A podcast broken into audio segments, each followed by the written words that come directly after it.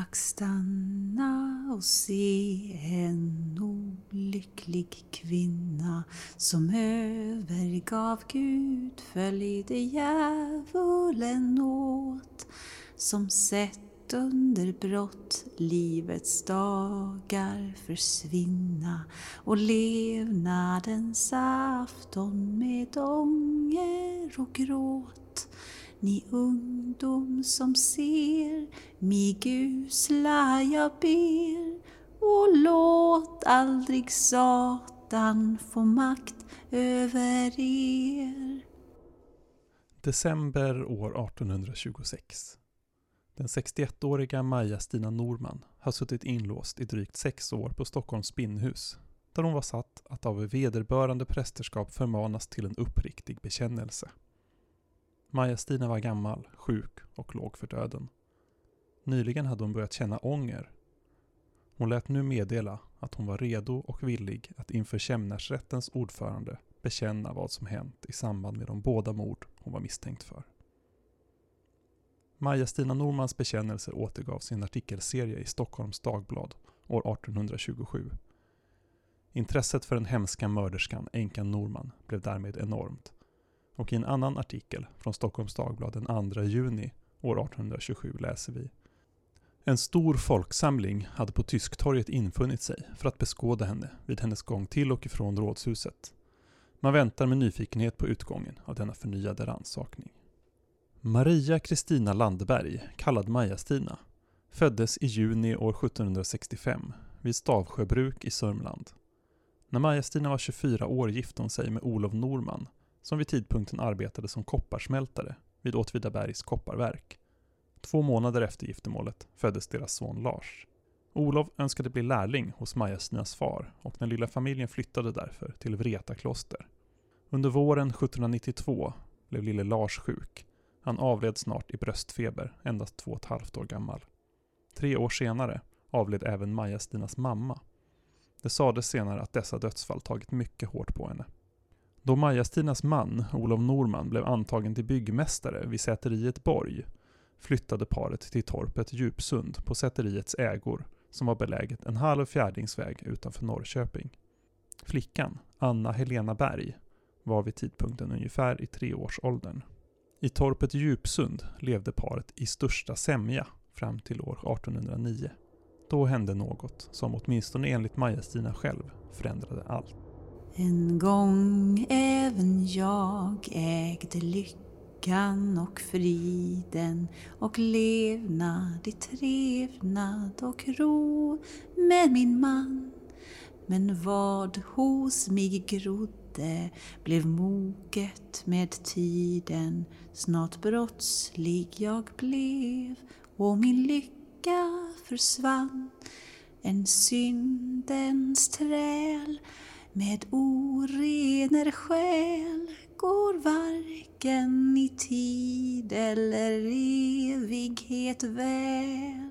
Vi citerar från Norrköpings Tidningar den 8 juli 1809. I förvar tagit.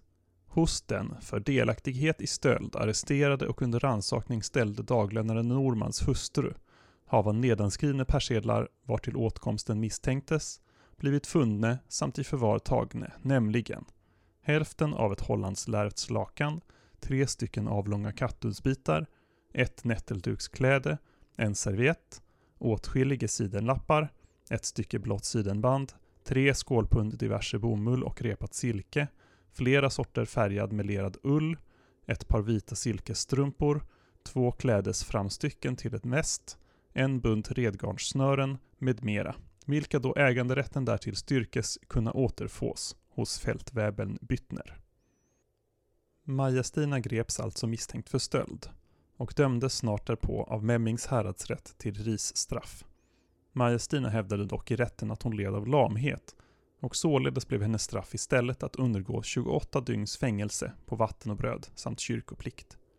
Maja-Stina själv erkände sig inte skyldig till denna stöld och berättade senare att om rannsakningen bara blivit fördröjd en månad, då hade de verkligt, eller mera skyldiga till brottet, blivit upptäckta.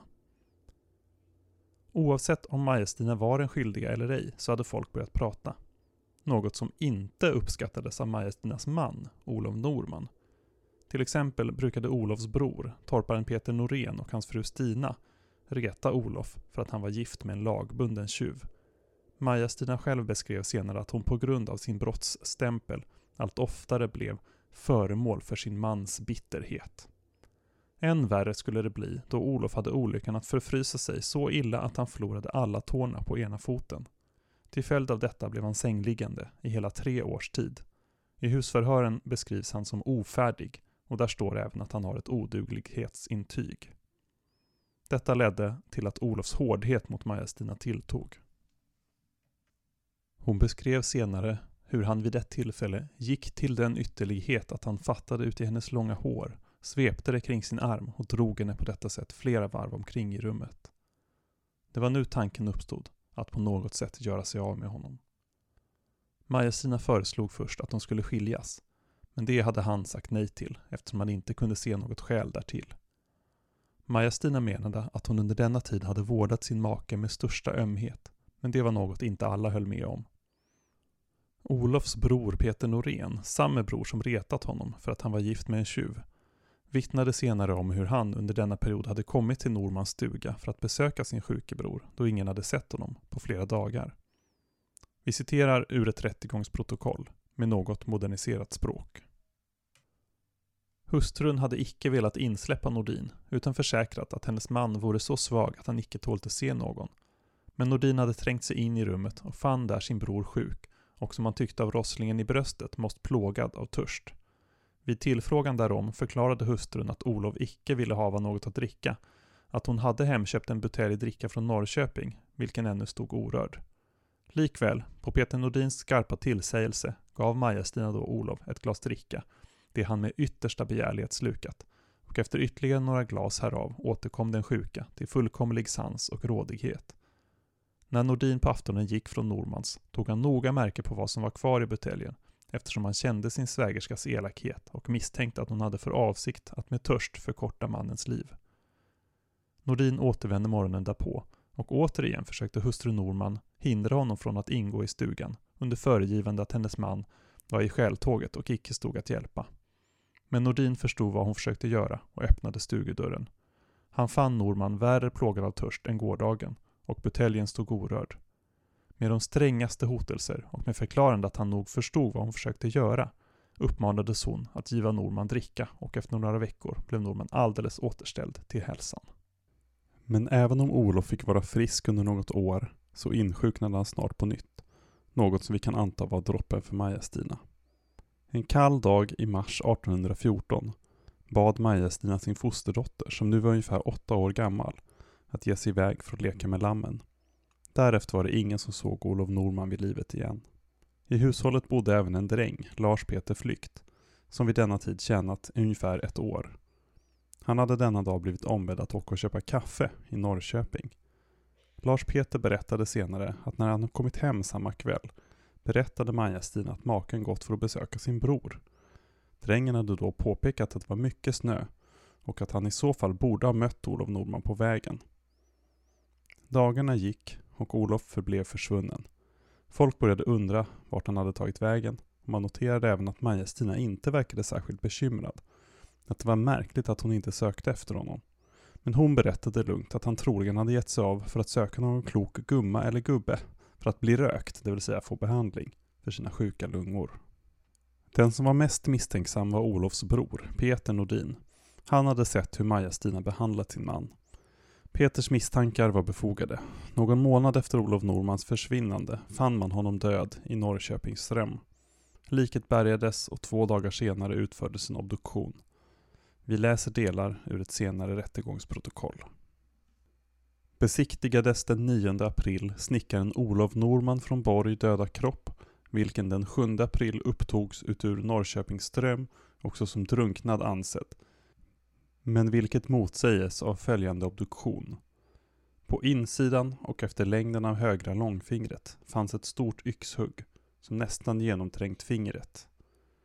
På högra sidobenet av huvudskålen och i kring gässan fanns tre öppna skador, varav den ena, som var mera stor, rund och särgad, tycktes vara given av yxhammaren. Kroppen var för övrigt icke något skadad.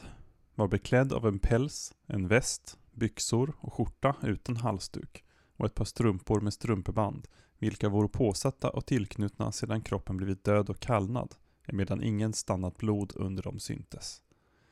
Kroppen verkade under döendet ha legat i sängvärmen. Alla tecken och omständigheter tyder på att han liggande på vänstra sidan och förmodligen i sängen sovande med huvudgärden framåt rummet blivit av dess gudlöse mördare därstädes slagen och huggen med en yxa, så att han därav genast döden gjutit. Mördaren hade tagit sin ställning bakom huvudgärden och vid första slaget hade den döende värjt sig genom att han uppräckt högra handen i öppen och flat ställning mot huvudet men blivit i detsamma träffad av yxäggen i långfingret. Kort efter att man funnit Olof Normans lik häktades Majestina misstänkt för mordet på sin man. Hon nekade. Endast några dagar senare påbörjades rannsakningen. I rättegångsprotokollet beskrevs Maja-Stina som lång till växten med svart hår, smalt ansikte, insjunkna ögon och blek hy, klädd i randig tröja och kjortel samt mörk halsduk. Jag flydde Guds ord, ville trollkonster lära och djävulens visdom studerade jag. Föraktade fromhet och sökte min ära att döva mitt samvetes hämnade slag med vildsinnat mod jag kände mig god att mörda min man och utgjuta hans blod. En lång rättegångsprocess inleddes, när mängder av vittnen förhördes om huruvida Maja-Stina hade varit en god och trogen hustru. Noggranna undersökningar av huset gjordes och man fann där blodspår på en yxhammare, något Maja-Stina förklarade med att man slaktat en kalv med yxan, vilket rätten tyckte var konstigt eftersom det inte tillhörde vanligheten att slakta kalvar med yxhammare. Man fann även stora mängder blod i sängen. Maja-Stina förklarade då att under hennes månatliga rening så blödde hon i sängen och att den stora mängden blod kom av att hon hade sovit där under lång tid. Rättegången har senare beskrivits som sin tids största. Men eftersom ingenting gick att bevisa kunde Maja-Stina inte dömas för mordet på sin man. Istället togs hon in på Korps de Garde och sattes på bekännelse under närmaste året, men utan resultat. Hon släpptes fri. Efter att Maja-Stina blivit fri kände hon att det inte gick att stanna i torpet Djupsund då hennes namn var nedsvärtat. Hon valde istället att sälja sitt och mannens lösöresbo. På auktionsdagen samlades intressenter för försäljningen. En av intressenterna var en man från Norrköping, traktören Sven Frilander. Maja-Stina var sedan tidigare till utseendet bekant med Sven, men kom denna dag i samtal med honom. Sven Frilander berättade då att han hört talas om att Maja-Stina var en mycket naturkunnig kvinna. Han bad även att han önskade att hon skulle komma till hans bostad i Norrköping för att diskutera ett erbjudande till henne. Maja-Stina skulle, mot god betalning, hjälpa honom att söka efter så kallat jordagods. Frilander trodde nämligen att under ryssarnas härjningar hundra år tidigare hade folk grävt ner sina skatter som nu låg där nergrävda. Han önskade hitta dessa skatter och bli rik. Det verkar inte som att Maja-Stina nappade på idén direkt. Istället blev hon under ett tag upptagen som arbeterska på Frilanders tobaksland. Men eftersom hon fick så dåligt betalt blev hon snart tvungen att förstärka sin inkomst på andra sätt. Och även om livet var slitsamt så verkar det ändå som att Maja-Stina lyckades på egen hand livnära sig under de kommande åren. Dels tryckte hon med färger på tapeter, border, halsdukar med mera. Dels arbetade hon med sömnad. Men traktör Frilander kunde inte släppa tanken på sina jordegods och han försökte under dessa år på olika sätt övertala Maja-Stina att hjälpa honom. På något sätt lyckades han till slut övertala henne. Något han inte borde gjort. Maja-Stina erbjöds en tjänst som piga hos traktören Frilander och i oktober månad år 1818 fick hon flytta in. Hon fick ingen lön, men Frilander försäkrade henne om att om hon hjälpte honom med hans sökande efter jordagods skulle hon bli rikligt belönad och kunna räkna med hans beskydd resten av sitt liv. En ljus månskensnatt, inte långt efter att hon flyttat in hos Frilander, kom han upp till Maja-Stina i det vindsrum där hon låg och sov. Det var dags. En klok gubbe hade tipsat Frilander om vart han skulle gräva efter jordagods och de båda begav sig till Himmelstalundstrakten på det så kallade Draxgärdet. Men efter att ha grävt hela natten utan att hitta något fick de snart återvända hem, tomhänta. Trots nattens äventyr steg Maja-Stina upp i ottan dagen därpå för att sköta sina sysslor som piga på gården. Några dygn senare insisterade traktören på nytt att de skulle ge sig tillbaka till samma ställe och gräva. Men även denna nattliga utflykt slutade med lika liten framgång. Då Frilander några dagar senare bad Maja-Stina ge sig ut på Gärdet för att gräva en tredje natt försökte hon säga nej. Hon var trött. Maja-Stina försökte förklara att det var helt orimligt att tro att hon skulle hitta några skatter på Draxgärdet. Hon hade långa arbetsdagar på gården och dessutom hade hon varit ute två hela nätter och grävt. Men Frilander insisterade och lyckades övertala henne. Tillsammans gav de sig ut en tredje natt i sitt sökande efter skatter. Dagen efter, den 25 november, vaknade traktörens hustru, men hennes man var borta. Hon hade då gått och väckt Maja-Stina som låg i sin säng och sov. Men Maja-Stina förklarade att hon inte visste vart traktören höll hus. Morgonen gick utan att Sven Frilander återvände till sitt hem. Lite senare på dagen var traktörens dotter inne i huset då hon plötsligt hörde något inne i sin pappas kammare. Hon kunde höra hur någon låst den byrå där hennes far förvarade vissa värdesaker. Dottern gick genast in i kammaren för att se vem det var. Kanske var det hennes far som återvänt. Men när hon gick in fann hon istället att det var Maja-Stina som var i traktörens rum. Dagarna gick och man blev mer och mer orolig för vad som hänt Sven Frilander. Oron var befogad. Två dagar senare fann man ett blodigt lik på ett gärde en bit ifrån gården. Det var Sven Frilander. Hans kropp bars till en plats i närheten, där han tvättades och gjordes i ordning för begravning. Dödsorsaken bedömdes enligt en läkare vara strypning. Samma läkare bedömde även att denna strypning skett i hemmet, samt att mördaren eller mördarna hade förflyttat kroppen ut på gärdet under natten. Maja-Stina blev snabbt misstänkt för mordet och det dröjde inte länge innan hon var tillbaka i en rättssal. En av dem som vittnade under rättegången var provinsialmedikus professor Doktor O. Noreus, alltså samma person som genomförde obduktionen av Maja-Stinas avlidne make Olof Norman. Doktor Noreus var inte imponerad över hur liket hade behandlats direkt efter att man hittat det. Att tvätta en mördad person innan obduktion genomförts. Han ifrågasatte även dödsorsak och hela händelseförloppet som beskrivits. Vi citerar med något moderniserade ordalag professor Noreus från rättegångsprotokollet. En strypt kropp är svullen, blå och styv. Ansiktet, halsen och läpparna blåna och svullna. Ögonen ser svullna ut och munnen, svalget och näsan fyllas med blodfradga. I anledning härav anhåller jag ödmjukeligen att vittnena må besvara följande frågor. 1. Om Frilanders döda kropp var svullen blå och styv. 2. Om ej kroppens hud hade en vanlig och med lik i allmänhet enlig människofärg. 3. Om ansiktet, halsen och läpparna vore blåa och svullna. 4. Om ögonen såg svullna ut. 5. Om munnen, svalget och näsan vore fyllda med blodfradga. Professor Noreus tillade dessutom om läkaren som undersökte Frilanders kropp. Att är ni så okunnig att ni icke vet det, så är ni en okunnig läkare och borde också därför ej få skriva någon attest.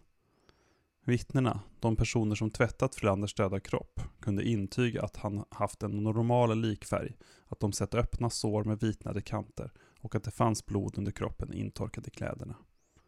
Vad gäller platsen för mordet diskuterade professor Noreus det som så att om Frilander mördats i hemmet och mördarna tagit sig tid att bära ut liket, varför inte bara kasta honom i strömmen som låg mycket närmare till hans, snarare än att släppa ut kroppen långt ut på gärdet.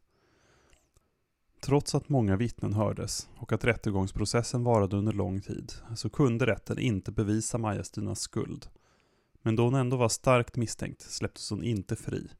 I september 1820, alltså nästan två år efter mordet på Frilander, blev hon skickad till Stockholms spinnhus där hon blev insatt för att av vederbörande prästerskap förmanas till en uppriktig bekännelse.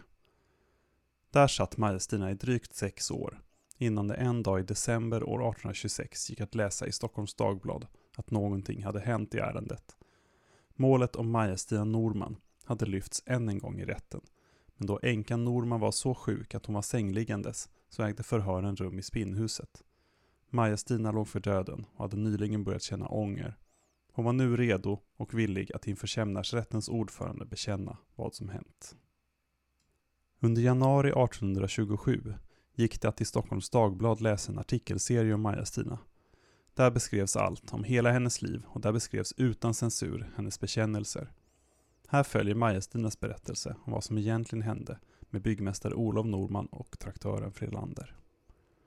Som tidigare beskrivet hade Maja-Stinas och Olof Normans äktenskap varit lyckligt fram till 1809 då Maja-Stina dömdes för grov stöld.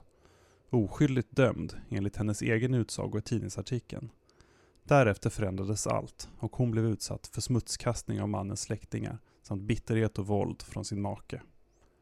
Vid ett tillfälle gick han till den ytterlighet att han fattade hennes långa hår, svepte det kring sin arm och drog henne på detta sätt flera varv kring rummet. Det var i detta tillfälle tanken hade nått henne för första gången att på något sätt göra sig av med honom. Maja-Stina föreslog skilsmässa, men Olof ansåg inte att hon hade något gällande skäl för detta. Och när mannen blev sängliggandes i sjukdom övergick Maja-Stinas mordiska planer snart till handling. Så kom då den där snöiga kalla dagen i mars år 1814 då Maja-Stina skickade ut sin fosterdotter till fähuset för att leka med lammen. Den sista dagen någon såg Olof Norman vid liv. Maja-Stina kom tillbaka in i stugan där Olof Norman låg sjuklig i sin säng. Intill väggen såg hon att där stod en yxa. Olof frågade om kaffe som borde inhandlas, varpå Maja-Stina skickade iväg gårdens dräng att åka till Norrköping för att köpa kaffe. Nu hade hon chansen. När drängen hade åkt lyfte Maja-Stina yxan och satte ner den igen flera gånger. Till slut lyfte hon yxhammaren och gav mannen snabbt två kraftiga slag. Han hade efter det första slaget yttrat ”Vad är det?” men blev sen stilla. Maja-Stina ville dock försäkra sig om att Olof Norman verkligen var död, så hon hade tagit en repstump och strypt honom med denna. Jag listig var att min ogärning dölja I kistan jag gömde den mördades kropp och natten med kolsvarta slöjan månhölja vad som vid den rysliga likfärd förlopp mig fasa intog jag ej mig bedrog att Satan i natten mig följde och log. I Norrköpings ström jag den mördade kastar och tyckte att jag all min plåga var kvitt. Och hem till mitt bo så förnöjder jag hastar. Men var någons öde så gruvligt som mitt? Jag misstänkte var mitt straff med mig bar och blott av min ondska jag fick mitt försvar. När hon var övertygad om att han var död hade hon klätt av honom hans kläder och klätt honom i grövre, mer slitna kläder. Hon drog ner en större verktygskista från vinden och la ner mannens döda kropp i denna. Kistan var nu för tung för henne själv att rubba och hon lät därför den stå kvar i rummet. När drängen senare kom in i stugan hade han sett att Olof Norman var försvunnen samt att det stod en stor kista i rummet. Dagen efter fick hon hjälp av drängen att lyfta ut den tunga kistan på en kälke. Med hjälp av kälken hade hon kört ut kistan till ett gårdshus där den fått stå i 14 dagar. Två veckor senare hade en piga kommit på besök. Pigan hade dock trott Majestin ha besök då hon tyckte sig höra röster inifrån Normans hus. Hon hade då gått och satt sig och väntat på en kista ute i ett av husen på gården. När Maja-Stina upptäckte pigan sittandes där insåg hon vad som kunnat hända och att hon måste göra sig av med kistan. Hon erbjöd pigan att sova över, men redan vid midnatt hade hon väckt henne och bett henne göra Maja-Stina sällskap in till staden. Hon hade nämligen kommit på att hon behövde bortföra en kista med verktyg. Så mitt i den kalla aprilnatten spände de båda kvinnorna för oxen, lyfte upp den tunga kistan på kälken och körde mot Norrköping. Pigan hade skilts från Maja-Stina inne i staden, varefter Maja-Stina själv hade fortsatt vägen över Västgötegatan, Lilla torget och Bergsbron samt Kvarngatan till stentrapporna. Mitt emot mässingsbruket hade hon, utan att bli sedd, vält ut mannens lik ner i strömmen. Hon återvände därefter hem, ställde tillbaka kistan i gårdshuset, spände från oxen och återvände in i sin stuga. När allt var i ordning ställt fann hon att tiden var inne att väcka drängen och fosterdottern för att påbörja dagens göromål. Ingen av dem hade märkt av hennes frånvaro. Hur gick det då till med traktören Sven Frilander enligt Maja-Stinas vittnesmål? Som tidigare berättats flyttade Maja-Stina till Frilanders gård, där han inom kort såg till att hålla henne sysselsatt med skattletande om nätterna. Under dagarna observerade Maja-Stina, enligt egen utsago, att traktören Frilander var våldsam mot såväl sin fru som sina barn. Så var det då den där natten, i november år 1818, den tredje natten på kort tid som Frilander hade väckt henne för att följa med honom ut på Gärdet och gräva skatter. Jag borde ha lärt att mig taga tillvara för vidare avsteg från dygden stig. Men åter jag föll ut i djävulens snara som än icke slutat sitt gyckel med mig.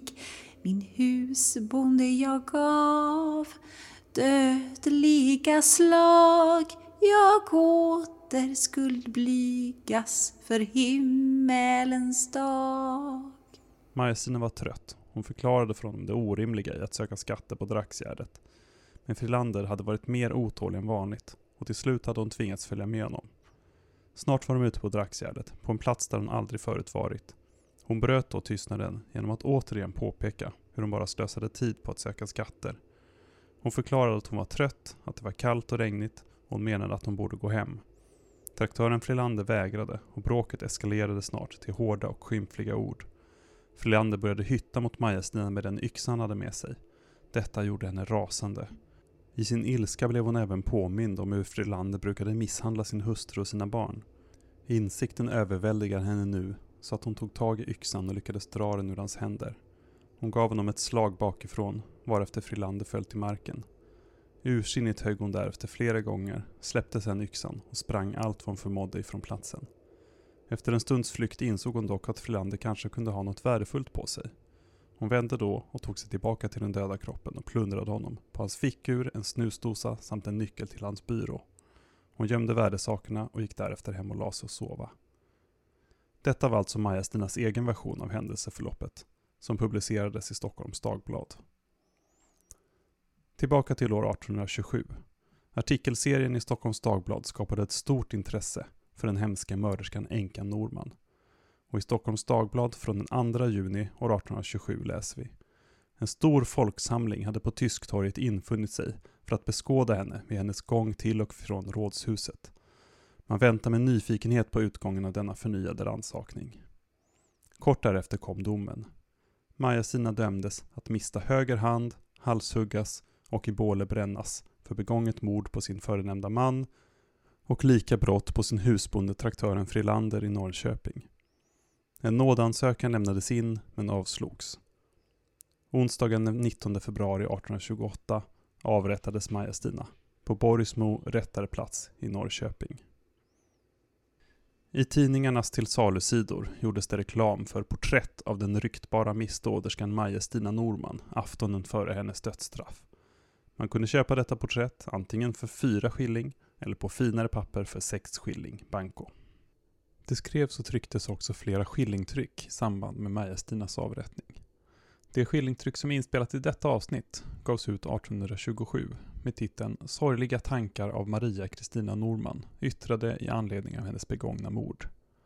Detta skillingtryck hade ingen melodi angiven.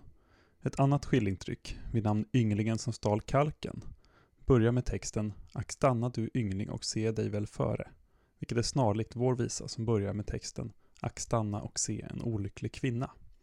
Visan om ynglingen som stal kalken anges även som melodi i ett av de andra skillingtrycken som skrevs om Majastina. Därför valde vi denna melodi till vår inspelning. Ett extra tack till Visarkivet som hjälpte oss hitta noterna till melodin. Stort tack för att du lyssnat.